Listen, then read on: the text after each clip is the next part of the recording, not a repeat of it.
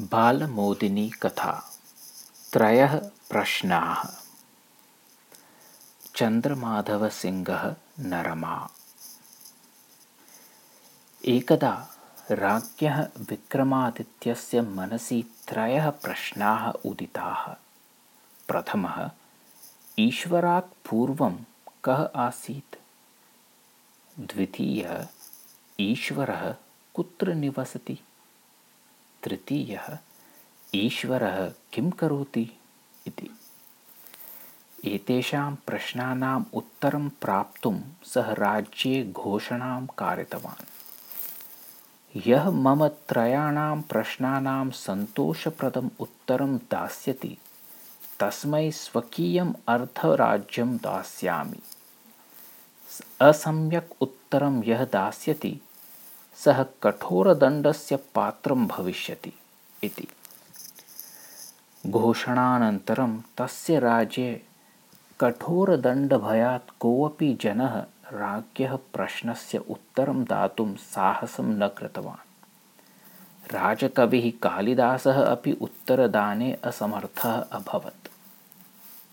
किन्तु तस्य एव राज्यस्य कश्चन हलवाहकः राजसमीपं गत्वा अहमुत्तरं दास्यामि इति धैर्येण उक्तवान्।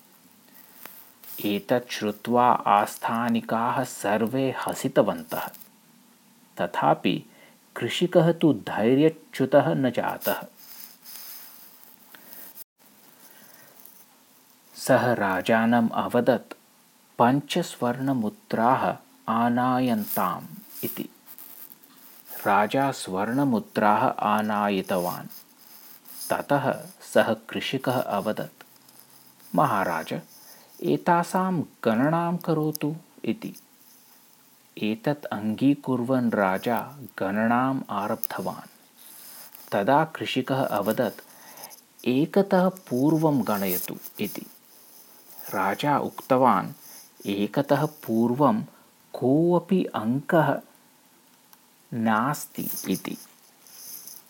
तदा हलवाहकः अवदत् यथा एकतः पूर्वं कापि सङ्ख्या नास्ति तथैव ईश्वरात् पूर्वमपि न कश्चित् अस्ति इति।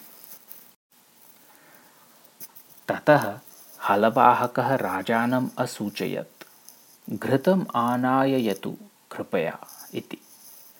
राजा घृतम् आनायितवान् ततः हलवाहकः राजानं पृष्टवान् घृतं कथं निर्मीयते इति। राजा अवदत् अतिसामान्यः विषयः अयं दुग्धेन घृतं निर्मीयते इति। हलवाहकः पुनः पृष्टवान् भवतः एतस्मिन् विषये दृढविश्वासः अस्ति किम् इति। आम् अत्र मम दृढः विश्वासः अस्ति एव इति उक्तवान् राजा। तदा हलवाहकः गभीरमुद्रया उक्तवान् यथा दुग्धे घृतं निवसति तथैव ईश्वरः आत्मसु निवसति इति। चातुर्यपूर्णम् एतत् उत्तरद्वयं श्रुत्वा राजा नितरां सन्तुष्टः। एषः हलवाहकः महात्मा एव इति सः भावितवान्। अतः सः तं हलवाहकं स्वकीये सिंहासने उपवेश्य तस्य पादमूले स्वयम् उपविष्टवान् च पृष्टवान्। महात्मन् भवान् धीमान् इत्यत्र नास्ति एव संशयः। कृपया मम तृतीयस्य अपि प्रश्नस्य समुचितम् उत्तरं ददातु इति। तदा हलवाहकः मन्दहासपूर्वकम् अवदत् किञ्चित् कालात् पूर्वं भवान् राजसिंहासने आसीत्। अहम् अधः आसम्।